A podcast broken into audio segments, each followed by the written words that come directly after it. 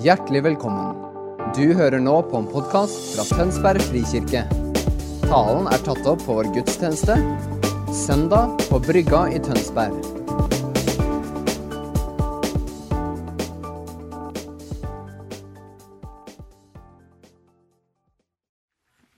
Vet du om en som ber for deg?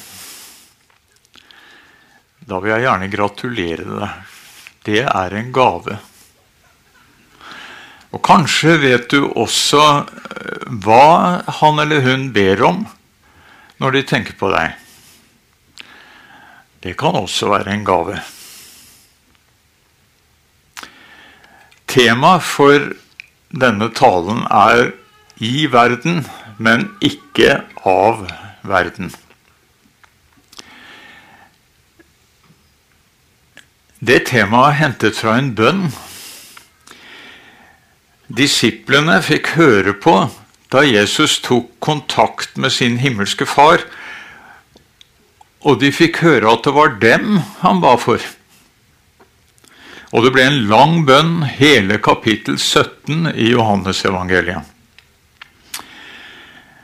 Disiplene har nok hatt ørene på stilker for å få med seg alt sammen. Og de har nok hjulpet hverandre å huske alle setningene som Jesus ba akkurat for dem. I dag har vi grunn til å lytte ekstra etter hva Jesus ber om. Fordi han ber jo også for oss i denne bønnen. Jeg ber ikke bare for dem, sa Jesus om disiplene men også for dem som gjennom deres ord kommer til tro på meg. Og det er jo oss. Det er oss han vil hjelpe inn i troen og tilliten ved de ordene som han ga videre gjennom sine disipler. Akkurat nå sitter Jesus strategisk plassert ved Guds den allmektige Faders høyre hånd. Der vi har mest bruk for å ha ham akkurat nå. Og hva gjør han der? Jo, det åpner også Bibelen for oss. Han fortsetter å be.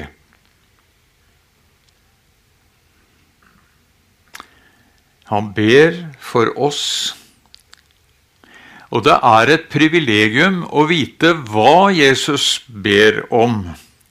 Hva er det han snakker med sin far om? Hva er hjertet hans fylt av akkurat der hvor han sitter, ved Faderens høyre hånd? Hva er det Jesus må fram for Guds tronstol og snakke med Gud om?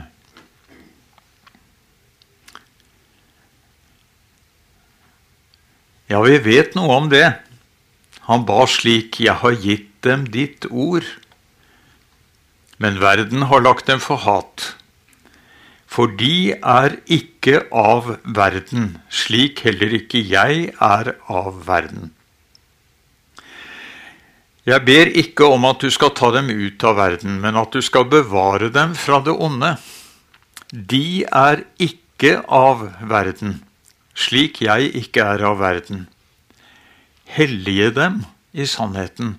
Ditt ord er sannhet. Som du har sendt meg til verden, har jeg sendt dem til verden. Dette er det som fyller Jesu hjerte når han ber. Og legg merke til den siste setningen. Som du har sendt meg til verden, har jeg sendt dem til verden. Vi må derfor utvide dagens tema, altså til verden, i verden, men ikke av verden. Jeg vil først si noe om risikoen for hat i verden. For å bli hatet fordi vi hører Jesus til. Og så vil jeg gå inn i spennet mellom i verden, men ikke av verden. Og så om å være sendt til verden. Vi kan møte hat. Akkurat i denne bønnen så er verden den store fienden. Men i samme evangelium så leser vi For så høyt har Gud elsket verden.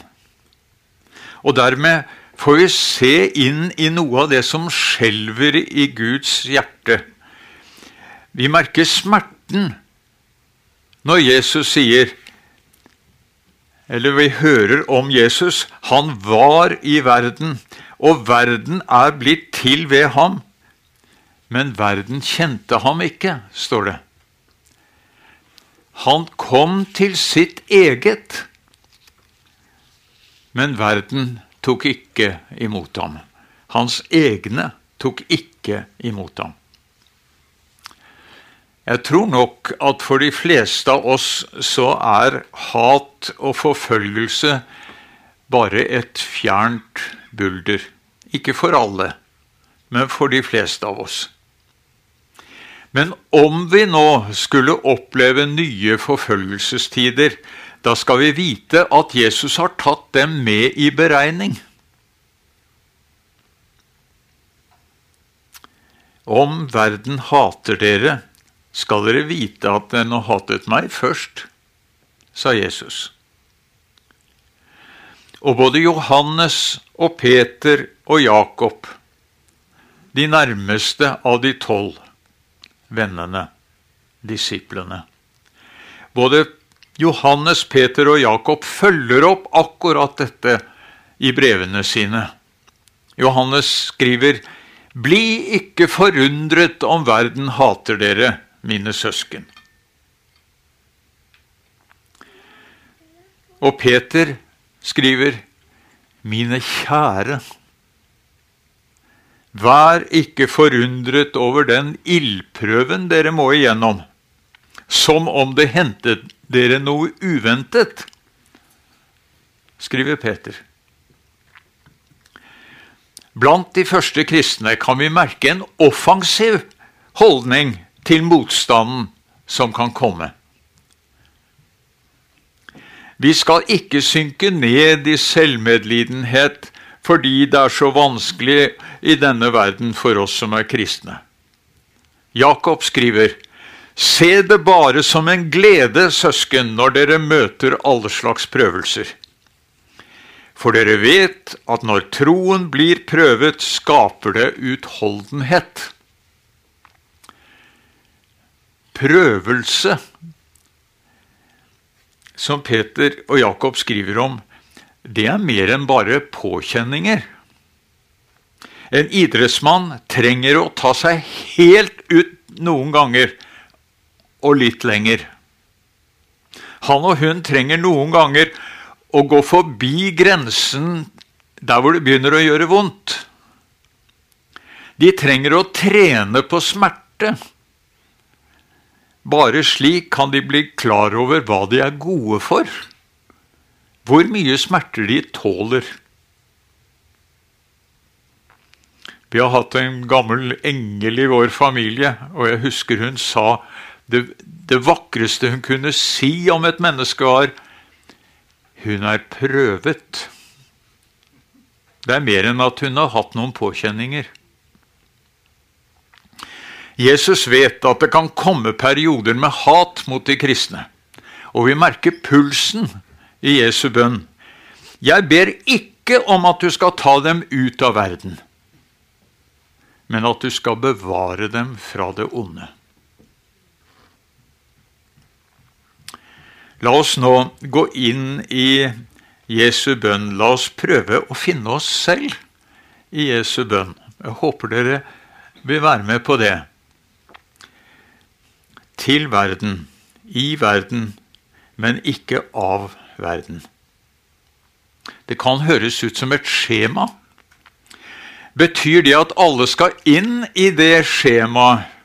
At alle skal ha disse tre holdningene til verden samtidig, og at det skal være like typisk for alle oss som er kristne.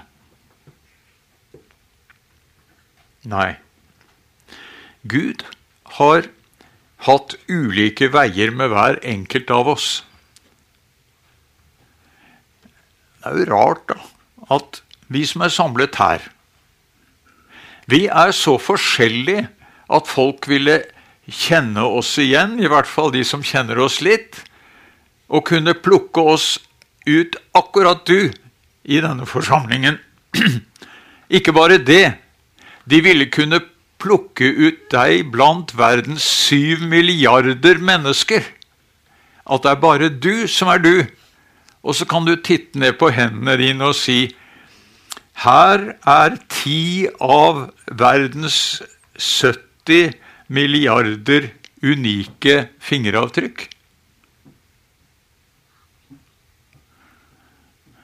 Så må ikke vi tro at Gud mister fantasien når han tar oss inn i sitt rike.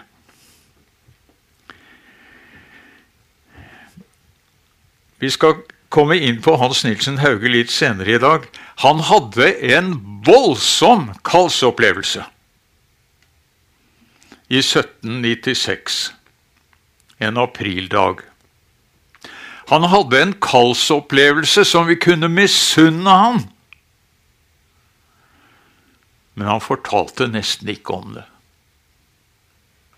En kunne ha tenkt seg at han overrasket folk med å fortelle 'sånn var det jeg ble kalt'. Det gjorde han ikke. Det tok 20 år før han skikkelig fortalte om det. Hvorfor? Jo, han gir to grunner. Det ene er det jeg opplevde, kan ingen fradiskutere meg. Vi merker sjenansen frykten for at noen skal diskutere i stykker det han har opplevd. Og det andre er at Hauge bryter den tradisjonen fra den eh, bevegelsen gjennom kirkehistorien som vi kaller for pietismen, med å sette opp et skjema at først opplever mennesket det, så det, så det, så det og så det, og så kommer de fram til medlemskap i Frikirken. Var det ikke det, du? Ja. Nei, han bryter dette. Fordi han sier at Gud kaller oss forskjellig.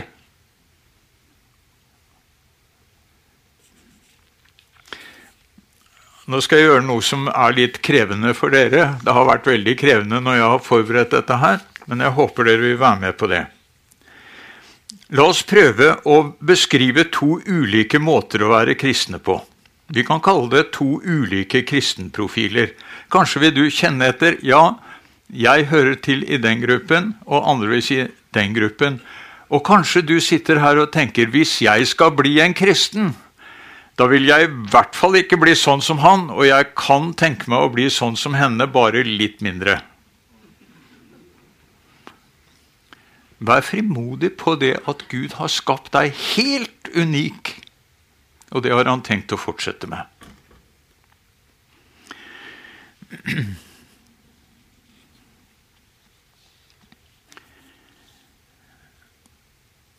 Jeg vil si først, Kanskje kjenner du at du er litt av hvert i det jeg skal si. Og Noen perioder så er du kanskje mest i verden, og i andre perioder så er du mest ikke av denne verden.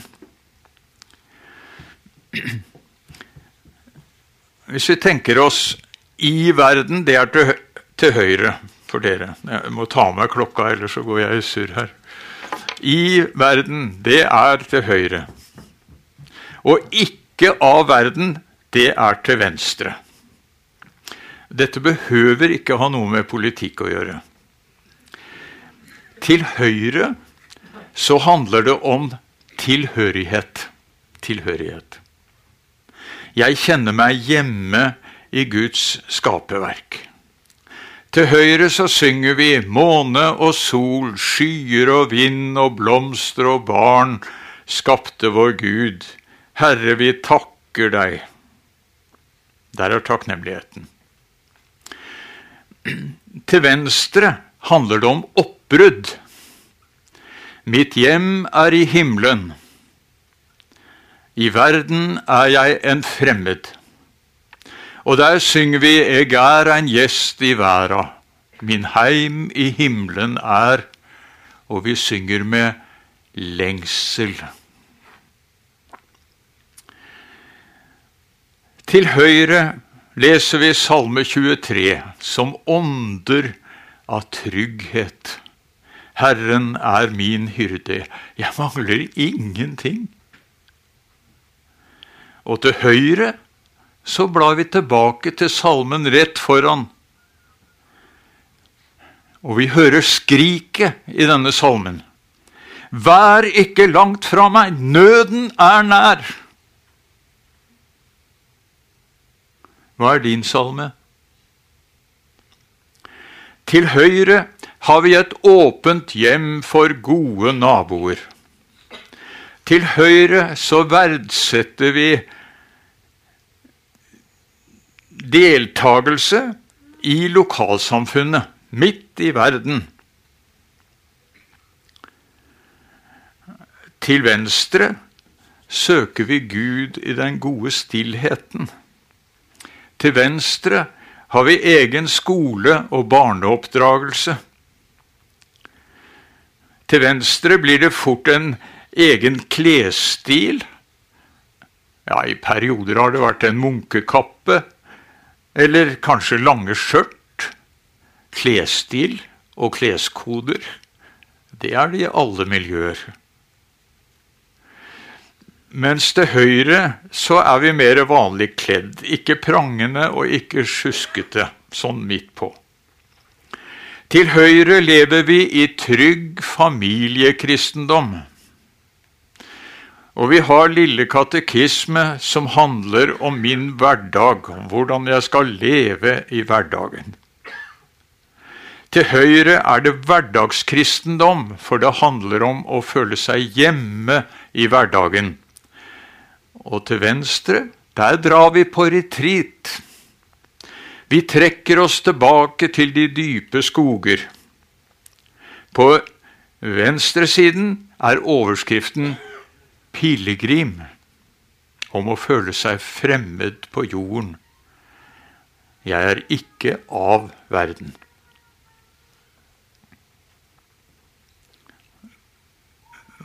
Jeg vet ikke hvor du kjenner deg liksom sånn mest hjemme.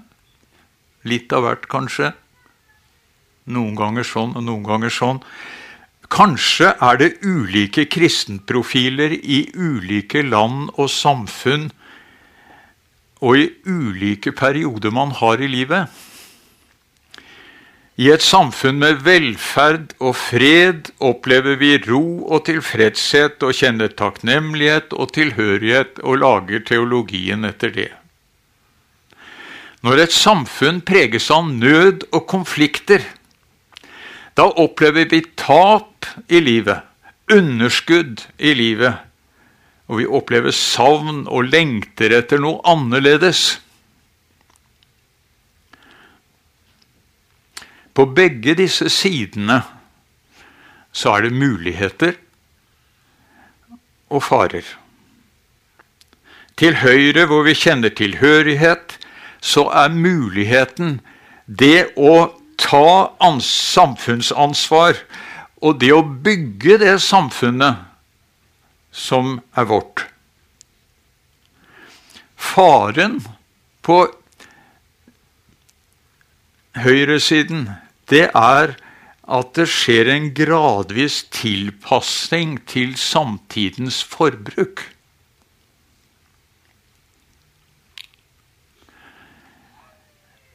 Mens til venstre, hvor vi kjenner oss som pilegrimer, der er det en mulighet for oppbrudd, for misjon for å gå over kulturelle og geografiske grenser med evangeliet. Faren på venstresiden det er at vi havner i verdensflukt. Kanskje verdensforakt.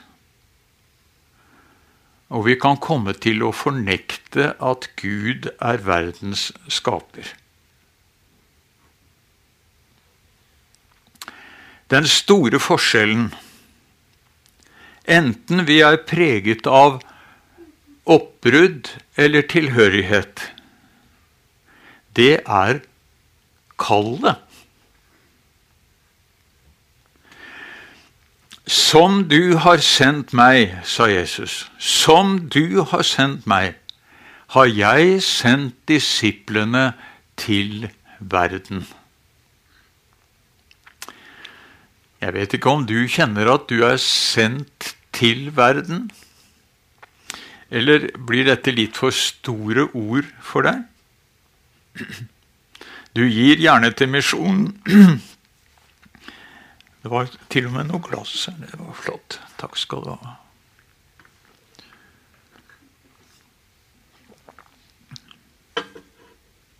Du gir gjerne til misjonen. Du har kanskje en misjonær du ber spesielt for. Men tror du det er deg Jesus tenker på når han ber sin inderlige bønn? Som du har sendt meg til verden, har jeg sendt dem til verden. Gjelder det akkurat? deg? Da vil jeg si tenk ikke for smått om din rolle i den store sammenhengen. Guds rike handler ikke bare om misjon. Vi tror på Gud Fader, den allmektige, himmelens og jordens skaper. Gud trenger mange til å holde denne verden i gang i hjemmet, i nabolaget, i næringslivet, i det politiske liv, i undervisning og i helsestell. Finn din plass og takk for den. Men be hver dag, akkurat der hvor du er, la din vilje skje på jorden slik som i himmelen.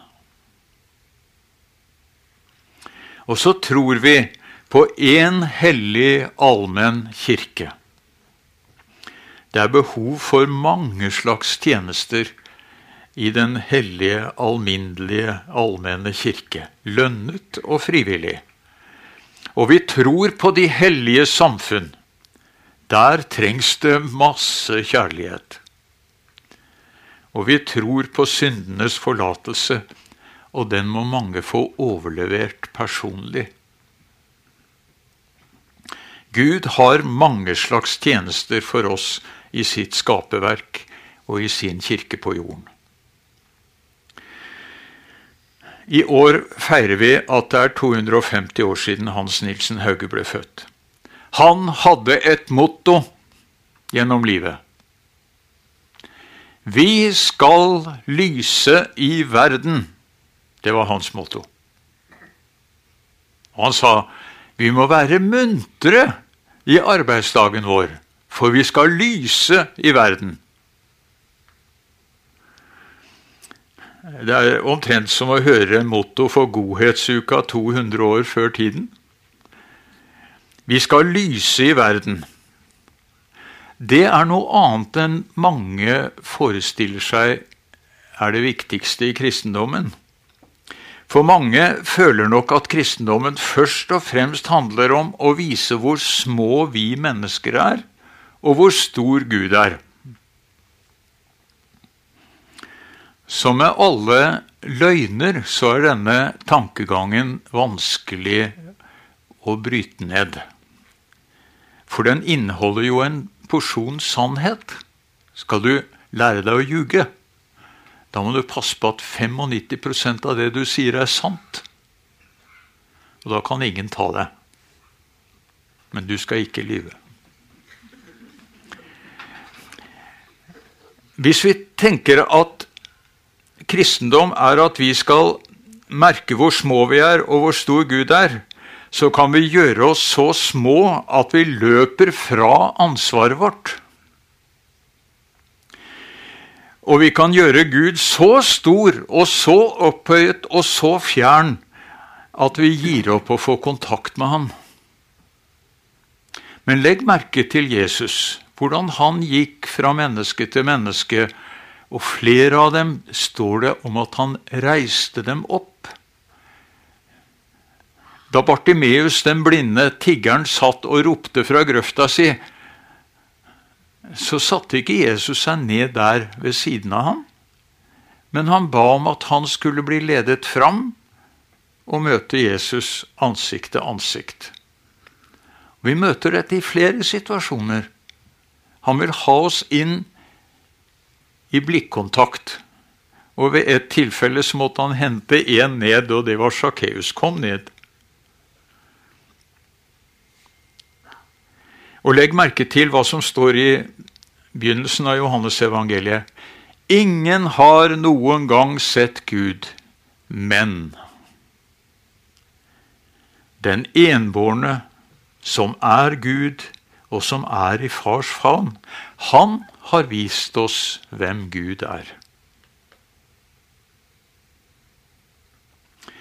Vi skal lyse i verden, og det handler om å slippe fram det lyset som Jesus har tent i oss. Jeg ønsker for hver av dere at du må finne en tjeneste som er din og at du passer på den tjenesten som din kjæreste skatt, og ikke sier ja til for mye mer. Og jeg ber om det for meg selv også. Og jeg ber om at du må kjenne deg trygg i din kristenprofil. Enten du først og fremst er plantet i verden med din tro, eller du tror og viser at du ikke er av denne verden. På hver vår måte skal vi lyse i verden. Ære være Faderen og Sønnen og Den hellige ånd, som var og er og blir en sann Gud fra evighet og til evighet. Amen.